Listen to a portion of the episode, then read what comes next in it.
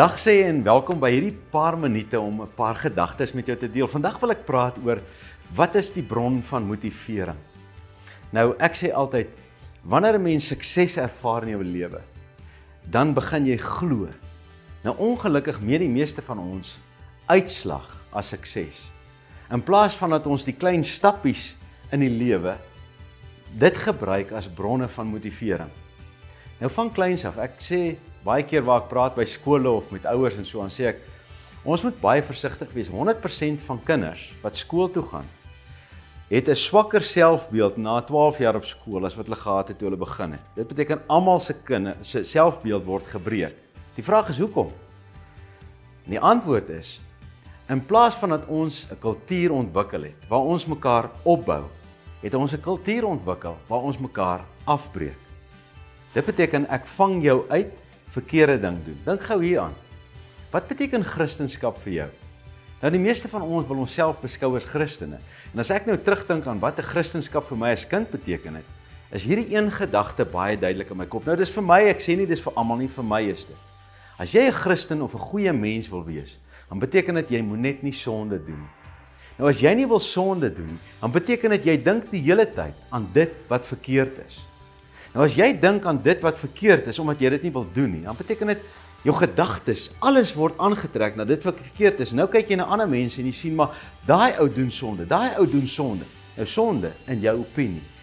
Want reg en verkeerd is nie 'n realiteit nie. Reg en verkeerd is in werklikheid 'n opinie. Net God se woord. As ons die volle woord ken van God en sy waarheid dan kan ons verstaan maar die woord van die Here sê baie duidelik. Die Here het vir ons gesê eet nie van die boom van kennis van goed en kwaad nie, want dit gaan lei tot die dood. Nou dit beteken as ek kennis het van goed en kwaad, begin ek oordeel oor mense en dit maak ons siele dood want elke dag kyk jy na daai ding.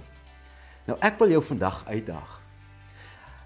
As daar 'n ambisie in jou is, 'n begeerte om iets te doen, 'n droom. Ek kan onthou ek was 30 jaar oud En ek was hierdie absolute loser in my eie oë.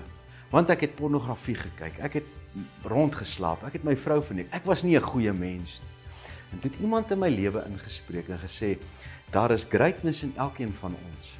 Maar jy moet die guts hê, jy moet die waagmoed hê om daai grootheid te ontdek en stap vir stap oop te maak. Nou, ek wil jou uitdaag. Dalk het jy 'n droom. My droom was en wakker gemaak daar om 'n boek te skryf.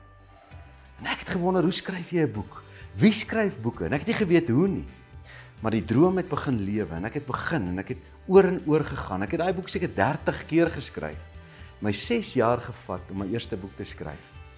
Vandag het ek al 6 boeke geskryf en dit word makliker en makliker. Maar ek wil vir jou sê, niks sal gebeur as jy nie glo jy kan en nommer 1, nommer 2, die tweede stap neem. Dis beteken 'n klein dingetjie begin doen. Daar's nie groot dinge in die lewe nie. Alle dinge wat groot is, is 'n klein dingetjie wat oor en oor gedoen is totdat hy uiteindelik suksesvol was en 'n groot ding geword het. Ek daag jou uit. Begin met 'n klein dingetjie. Doen hom oor en oor. Wie weet, miskien word dit daai groot ding waarvan jy droom. Geniet dit.